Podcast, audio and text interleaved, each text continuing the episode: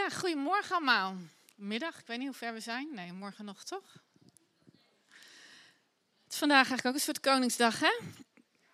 Een andere koning, de echte koning. Ehm, nou, eigenlijk heeft Gerlinde al een heleboel van mijn preek uitgebeeld. We hebben al een heleboel van mijn preek uitgezongen. Dus we kunnen ook gaan. Maar ik heb er hard aan gewerkt, dus ik vind het ook fijn als jullie blijven luisteren. uh, zoals Gelinde al zei, mijn verhaal bouwt voort op het verhaal van Bram van vorige week. Hij sprak over paradigma shifts in het volgen van Jezus. En een paradigma shift, dat is een verschuiving, een ontwikkeling die leidt tot een dramatisch ander beeld van de werkelijkheid. Zo wordt het omschreven. Het is een fundamentele verandering waardoor je de dingen anders gaat zien. Nou, Jezus, die kwam naar ons als mensen toe om zijn vader te openbaren, om te laten zien wie God was. En dat was fundamenteel anders dan dat ze tot nu toe hadden gedacht. Hij liet een God zien die niet oordeelde, die niet keek of je alles wel precies volgens de regeltjes doet die bijhoudt, plusjes en minnetjes. Geen God op afstand, maar hij liet een God zien als een liefdevolle en genadevolle vader. Fundamenteel anders dan hoe men in die tijd over God dacht. Fundamenteel anders denken is gemakkelijker gezegd dan gedaan. En daarbij komt dat als het over God gaat, dat het ook ergens ons verstand wel te boven gaat. En om daar meer zicht op te krijgen, liet hij het volgende schema zien. Kunnen we die in beeld krijgen? Ja, daar is hij. Dus even een herhaling. Ik ga er nu kort doorheen. Uh, als je hier meer over wil begrijpen of verdere uitleg over wil, dan raad ik je aan om de preek van Bram van vorige week nog even na te luisteren. Maar wij leven in een fysieke, natuurlijke wereld. Dat is de wereld die we waarnemen met onze zintuigen. Alles wat we zien, ruiken, horen, voelen, is de fysieke werkelijkheid. Er is een bovennatuurlijke werkelijkheid. Dat is de onzichtbare wereld. Dat is de wereld die we waarnemen met de ogen en oren van ons hart, met ons voorstellingsvermogen, met onze intuïtie. Het is ook de wereld van de engelen en ook de wereld van de demonen. En dit is ergens waar het Griekse denken ophoudt, maar het gaat verder dan dat. De Bijbel geeft ons zicht op een andere dimensie, op nog een dimensie. Ook wel de derde hemel, de woonplaats van God zelf. En dat is de hemelse werkelijkheid, de goddelijke werkelijkheid, een geestelijke werkelijkheid. Dat is de woonplaats van God. En het Bijbelse uitgangspunt is dat de natuurlijke en de bovennatuurlijke wereld geschapen is. En de geestelijke, goddelijke, hemelse werkelijkheid is ongeschapen. Om er nog iets aan toe te voegen. De fysieke werkelijkheid en de bovennatuurlijke werkelijkheid. Daar is een vermenging gekomen tussen goed en kwaad sinds de zondeval. In de allerhoogste werkelijkheid, waar God woont, God is alleen goed. God is licht en in hem is geen spoor van duisternis. Geen spoor van duisternis. Nou, en om het plaatje dan nog helemaal compleet te maken met ons lichaam, bewegen we ons in een natuurlijke wereld, met onze ziel in de bovennatuurlijke wereld en met onze geest zijn we verbonden met de goddelijke wereld, met de hemelse werkelijkheid, met de geestelijke werkelijkheid. Nou, wat dit plaatje verduidelijkt, is dat God boven onze werkelijkheid staat. Boven onze tijd, boven onze ideeën over Hem. Hij is. En Hij is altijd geweest en Hij zal altijd blijven. En hij is gisteren, vandaag en morgen dezelfde. Hij is wie hij is. Ik ben die ik ben en ik zal er zijn. Volledig goed, volledig liefde, volledig heilig, volledig licht. Nou, dat gaat ons verstand te boven. Maar vanaf het begin was het Gods bedoeling, Gods plan, dat het geschapene in relatie zou leven met het ongeschapene. Dat wij als mensen in relatie zouden leven met Hem. Zijn schepping in relatie met Hem, met de mens als beelddrager van wie Hij is. Maar doordat de mensen, ervoor, de mensen ervoor koos om zelf te willen bepalen wat goed is en wat kwaad is, kwam er een scheiding. Nou, en hoe groot is dan het wonder te bedenken dat Jezus, en hij mag naar de volgende slide, vanuit die hemelse goddelijke werkelijkheid doorbrak in onze fysieke werkelijkheid en in de bovennatuurlijke werkelijkheid. Hij brak door alles heen en kwam naar ons toe. Hoe ongelooflijk. En wat een hoop zit daarin. Want het verlangen van de Vader is nog steeds, het was en het is nog steeds om het geschapene te verbinden aan het ongeschapene. Om voor het geschapene om te leven in relatie met het ongeschapene, met de ongeschapene. En hij is continu bezig om zijn oorspronkelijke plan te herstellen. En de schepping en de mens te herstellen naar het beeld wat hij voor ogen had. In Efeze 2, daar wil ik een stukje uit voorlezen. Ehm, en laat het maar een stukje doordringen wat daar staat. Probeer maar je hart te openen voor, voor wat hier geschreven staat. Efeze 2. Vrede kwam mij verkondigen. Aan u die ver weg was en vrede aan hen die dichtbij waren. Dankzij hem hebben wij alle door één geest toegang tot de Vader. Zo bent u dus geen vreemdelingen of gasten meer, maar burgers, net als de heiligen en huisgenoten van God. Gebouwd op het fundament van de apostelen en de profeten, met Christus zelf als de hoeksteen. In hem vormt het bouwwerk één geheel. En groeit het uit tot een tempel die gewijd is aan de Heer, in wie u ook samen opgebouwd wordt tot een plaats waar God woont door zijn geest. Wauw. We zijn huisgenoten van God. We mogen thuis zijn bij Hem. En inderdaad, zoals Gelinde zijn, niet als een verre oom of een achternicht, maar als zijn kinderen, zijn huisgezin. En we zijn een bouwwerk, gewijd aan God zelf. En samen worden we opgebouwd tot een plek waar God kan wonen.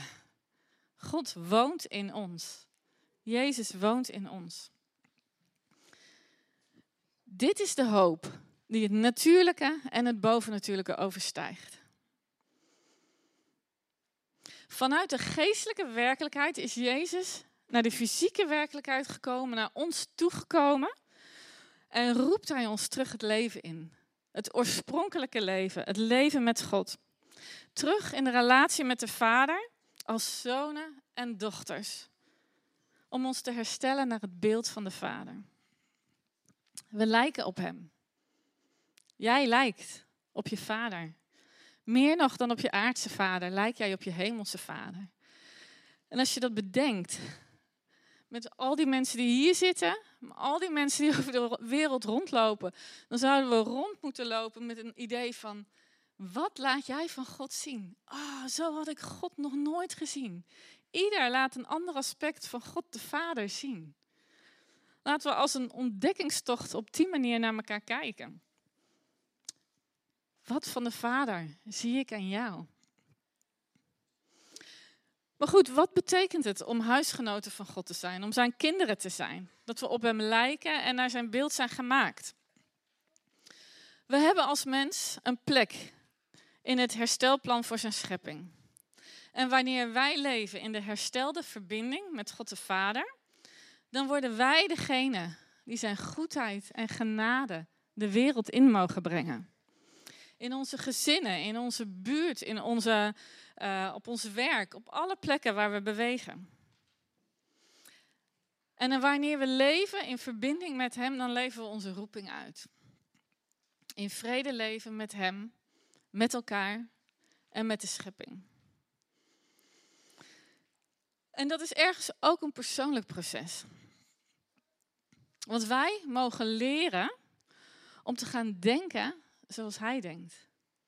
Om te gaan kijken zoals Hij kijkt. Om te zien wat Hij ziet. Wij mogen met Hem vanuit die hemelse werkelijkheid kijken naar de fysieke werkelijkheid en de bovennatuurlijke werkelijkheid.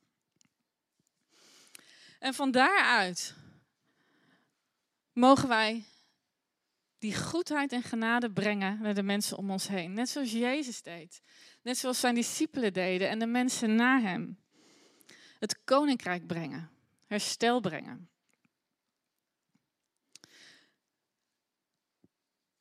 En hoe leren we dan wie God is? Hoe hij naar de dingen kijkt, hoe hij denkt, hoe hij, wat hij ziet.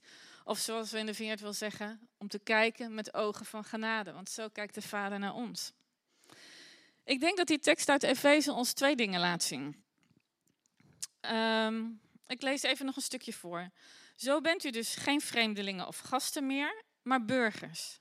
Net als de heiligen, huisgenoten van God. Gebouwd op het fundament van de apostelen en profeten, met Christus Jezus zelf als hoeksteen.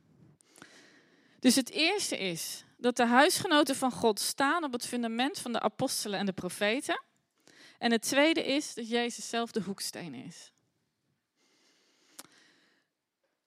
Dat wij, eerst het eerste punt, dat wij als huisgenoten van God staan op het fundament van de apostelen en de profeten. Op het fundament wat zij hebben gelegd. Dat betekent dat we mogen leren van wat zij geleerd hebben. Mogen leren van wat zij ontvangen hebben mogen leren van hun boodschap. Hun boodschap is het fundament waar we op mogen staan. En de profeten die wezen al naar Jezus. En de apostelen getuigen van Jezus. Hun boodschap, hun getuigenissen, hun verwijzingen, die staan opgeschreven in de Bijbel. God openbaart zich in zijn woord. Gods werkelijkheid staat boven onze werkelijkheid. Willen wij zicht krijgen, meer zicht krijgen op Gods werkelijkheid? En willen we daar gericht op blijven? Willen we daar vanuit leven? Lees zijn woord. Ken zijn woord. En leef vanuit zijn woord. In Deuteronomium staat: Hou mijn woorden dus in gedachten. Maak ze uw eigen. Draag ze als een teken om uw arm als een band om uw voorhoofd. Prent ze uw kinderen in en spreek er steeds over. Thuis, onderweg, als u naar bed gaat, als u opstaat. Schrijf ze op de deurposten van uw huis en op de poorten van de stad. Opnieuw, wauw. En of we dat nou letterlijk doen of niet, de essentie van deze tekst is dat, het, dat Gods woord en zijn richtlijnen, dat we die op waarde moeten schatten en de juiste plek mogen geven in ons leven. Ik heb zelf veel Bijbelteksten geleerd als kind door de liedjes die we zongen. Dat de Bijbelteksten op muziek waren gezet en uh, dat we die zongen zondag na zondag. In de, op de zondagschool zat ik nog. En dan was het het leukst als ze ook in het Engels of in het Frans zijn. Maar dat zijn de Bijbelteksten die ik zo op kan roepen. Ze staan in mijn gedachtengegriften. In Hooglied, Hooglied 8, vers 6 staat: Draag mij als een zegel op je hart, als een zegel op je arm. En ik kwam laatst een stukje tegen wat ik las over een Joodse leerling die in gesprek was met zijn rabbijn. En die Joodse leerling die vraagt aan de rabbijn: waarom leren de boeken ons om deze woorden op ons hart te plaatsen? Het zou toch veel sneller en veel makkelijker zijn als, we, als er zou worden gezegd dat we de heilige woorden in ons hart moeten plaatsen. Waarop de rabbijn antwoordde: Luister, mijn jongen. We leggen de woorden op ons hart, omdat, zoals we nu zijn, ons hart gesloten is en de heilige woorden niet in ons hart kunnen plaatsen. We plaatsen de woorden op ons hart. En op een dag breekt ons hart open en vallen de woorden naar binnen. Prachtig, hè? Soms lees je dingen in de Bijbel die je niet snapt, die je niet begrijpt, die je niet kan plaatsen. Soms staan er dingen in die moeilijk zijn om op te volgen of om naar te luisteren. En we willen wel lijken op Jezus, maar het valt niet altijd mee.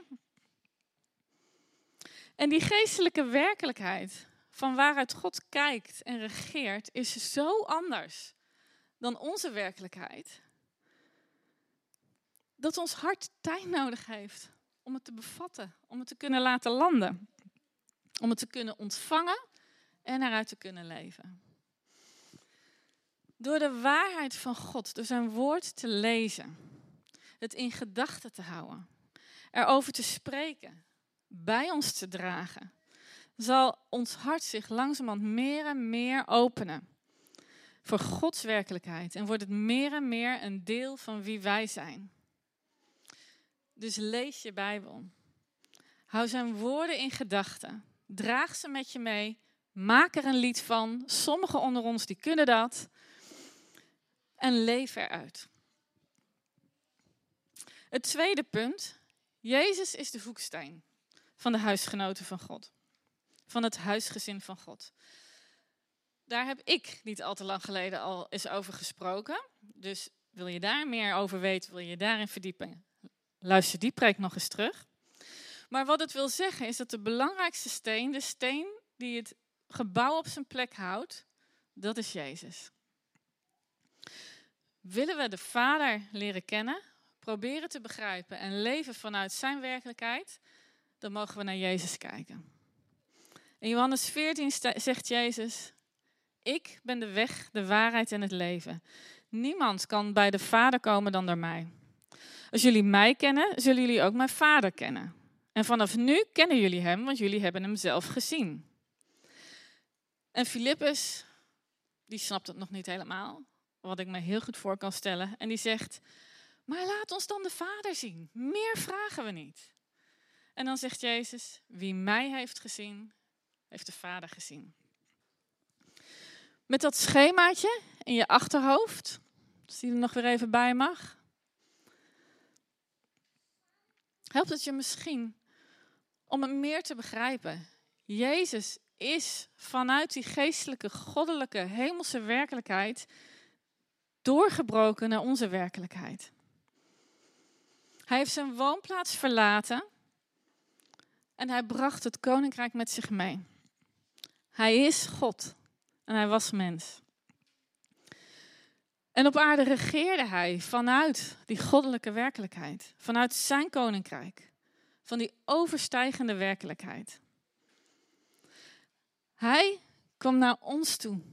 Dat maakt hem de weg naar de hemelse werkelijkheid. Hij kwam vanuit het goede, vanuit waarheid, vanuit leven. Dat maakt hem de weg, de waarheid en het leven. Zie je Jezus, dan zie je God. Hoe gaaf is dat? Een open verbinding tussen de goddelijke werkelijkheid en onze werkelijkheid. En als huisgenoten van God mogen wij in deze fysieke wereld meewerken aan het grote herstelplan van Gods schepping. Maar zo eenvoudig is het niet altijd. Wat we hier zien en wat we hier meemaken, kleurt hoe we denken, hoe we kijken, ook naar God. En de realiteit van deze werkelijkheid, van het hier en nu, dat staat ons zo duidelijk voor ogen. Het trekt aan ons. Het is veel meer concreet voor ons. crisis na crisis komt op ons af. Oorlog, klimaat, de energiecrisis, een mentale crisis, eenzaamheid. De dingen die we persoonlijk meemaken en tegenkomen. Verbroken relaties, ontslag, ziekte. Verlies van dierbaren, vervlogen dromen, verlangens die niet vervuld worden. En dat maakt dat het moeilijk kan zijn om je oog gericht te houden op die goddelijke werkelijkheid. We raken het zicht kwijt. En op een gegeven moment, als Jezus met zijn leerlingen onderweg is en, hij ze opdraagt om uh, de dingen van het koninkrijk te doen, dan lukt het ze niet. Het lukt ze niet om demonen uit te drijven. En dan zegt Jezus, wat hebben jullie toch een klein geloof. En nou las ik dat stuk laatst in de message-vertaling. En daar is het vertaald met You are not yet taking God seriously. En ik vond dat zo'n prachtige vertaling.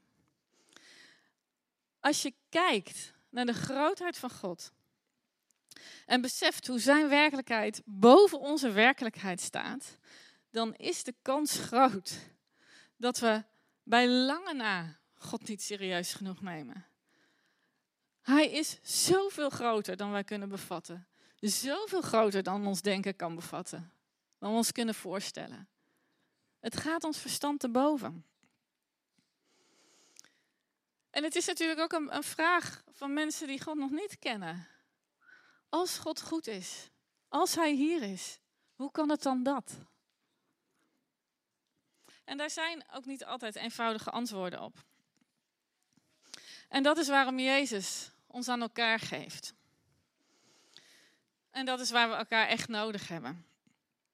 Hier, in Gods gemeente, in het lichaam van Christus, waar we als volgelingen van Jezus samenkomen, dat is een plek waar je mag zoeken naar de grootheid van God. Waar je je vragen mag stellen. Waar we samen naar Jezus toe kunnen gaan als je het alleen even niet meer kan. Om te ontvangen wat Hij jou wil geven vanuit Zijn werkelijkheid. Hier kunnen we samen naar God luisteren. Overtuigingen in ons denken ontmantelen en in lijn brengen met Gods waarheid. En zoals de tekst die Gerlinda aan het begin van de dienst deelde. Samen kunnen we zicht krijgen op wie God is, op Zijn grootheid, op Zijn werkelijkheid. En Jezus is bij ons en in ons. Mogen we elkaar steeds weer op Jezus en Zijn werkelijkheid wijzen.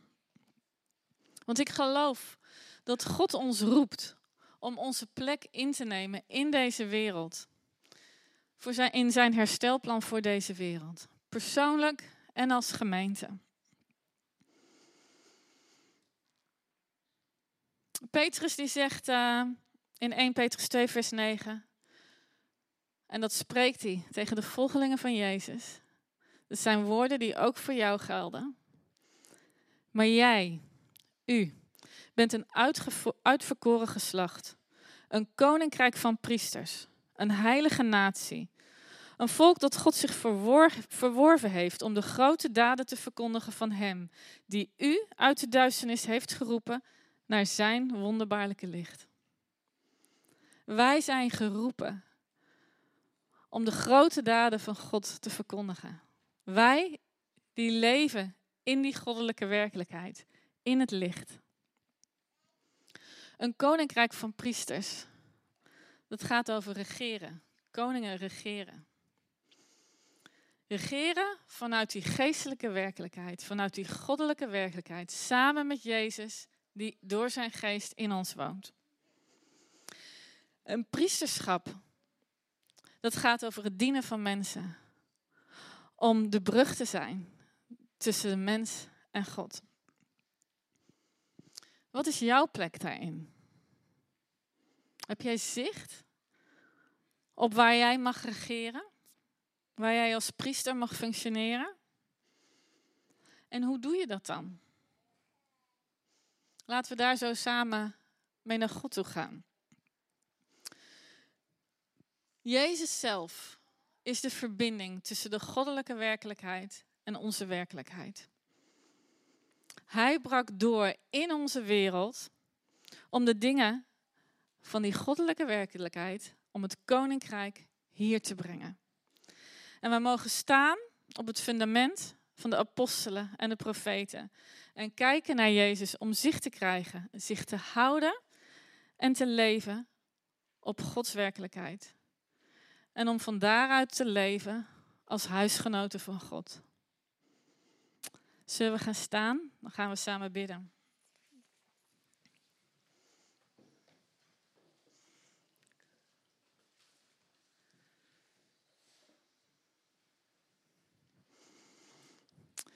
Vader God, ik dank u voor wie u bent. U bent zoveel groter dan wij kunnen beseffen, bedenken, kunnen vatten. En daar dank ik u voor. Ik dank u dat u altijd groter bent. Altijd genadevoller, altijd liefdevoller, altijd heiliger dan wij kunnen bedenken. En Heer Jezus, ik dank u dat u die werkelijkheid heeft verlaten om naar ons toe te komen. Om het oorspronkelijke plan van de Vader te herstellen. Om uw koninkrijk te vestigen hier op aarde. En Heilige Geest, ik dank u dat u in ons woont.